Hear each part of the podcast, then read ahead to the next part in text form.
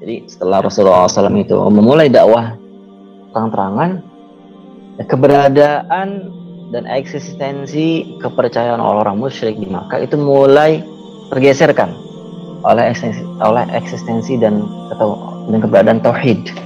Ya, karena tauhid ini langsung menghujam kepada hati, maka manusia siapa pun nggak bisa menolak selama dia tidak sombong, selama dia tidak gengsi, selama dia tidak uh, berpaling.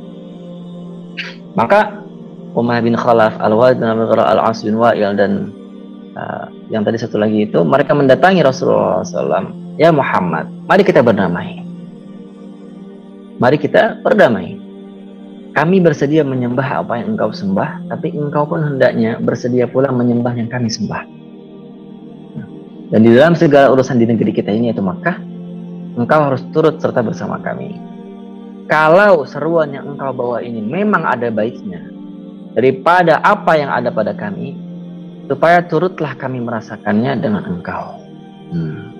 Dan jika pegangan kami ini yang lebih benar daripada apa yang engkau serukan, maka engkau pun telah bersama merasakannya dengan kami, sama mengambil bahagian padanya.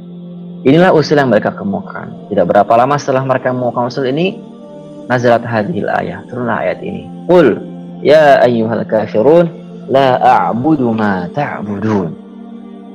Wala antum 'abiduna ma a'bud wala ana 'abidun ma 'abadtum wala antum 'abiduna ma a'bud lakum dinukum waliyadin. Katakanlah olehmu hai utusanku. yakni siapa? Nabi Muhammad sallallahu alaihi wasallam kepada orang-orang yang tidak mau mempercayai risalah, tidak mau mempercayai kenabian, tidak ingin menerima tauhid. Hai orang-orang kafir, hai orang-orang yang tidak mau percaya.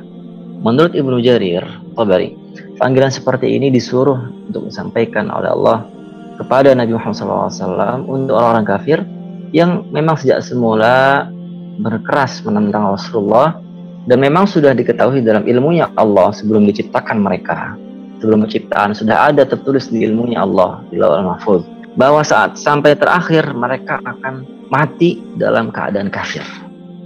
Maka kemudian Rasulullah SAW diperbolehkan untuk memanggil mereka dengan sebutan ke kafir. Maka ini berbeda teman-teman. Kalau kita misalnya punya teman orang Nasrani, apalagi apalagi Muslim, untuk memanggil mereka dengan Hei kafir, tidak boleh, tidak, tidak boleh.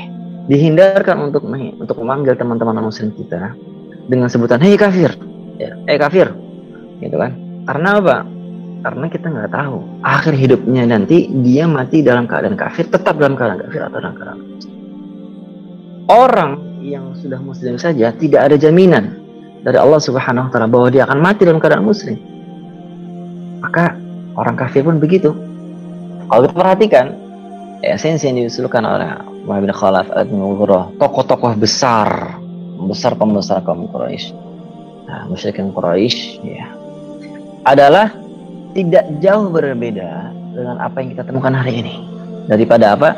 Dari akidah pluralisme, akidah menganggap semua agama itu benar. Coba perhatikan kalimatnya. Kalau memang agama ini ada baik dan benarnya, kita akan ikut Muhammad. Tapi kalau kamu juga melihat di agama kami, hmm, agama kemusyrikan ini ada benarnya, ketimbang apa yang kau suruhkan, maka kau pun harus merasakannya juga dengan kami. Artinya menganggap kedua agama ini sama, sama-sama benar.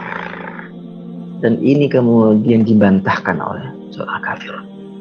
Kita nggak bisa menerima akidah semacam ini. Hati-hati dengan ungkapan semua agama itu sama benarnya, semua agama sama-sama menuju Tuhan yang satu. Tidak. Surat Al-Kafir ini tegas sekali ya tegas sekali menolak semua keyakinan itu. Inti dari toleransi dalam berakidah adalah kita mampu percaya bahwa satu-satunya kebenaran adalah apa yang kita peluk. Kalaulah kita toleransinya itu kemudian menganggap agama selain Islam itu berarti benar juga. Lalu untuk apa Allah Subhanahu wa taala bilang inna dina indallahil Islam? Lalu untuk apa Allah Subhanahu wa taala bilang wa may yabtaghi ghairal islami dinan fala yuqbala minhu. Lalu untuk apa Allah Subhanahu wa taala bilang ma kana Ibrahimu yahudiyan wala nasraniyan walakin kana hanifan muslima wa ma kana minal Artinya dalam tataran keyakinan, dalam tataran kepercayaan, kita mesti mampu percaya satu-satunya bahwa agama yang benar adalah Islam. Tapi dalam tataran sosial, kita tidak boleh menghakimi satu orang atau orang lain. Kita tidak boleh menjudge. Dalam tataran sosial, tugas kita adalah mengajak, menyeru ber, dengan akhlak, dengan dakwah dan mau'ilah hasanah, dengan pergaulan yang baik. Oke? Okay? Nah, jadi ada dua bahasan yang berbeda.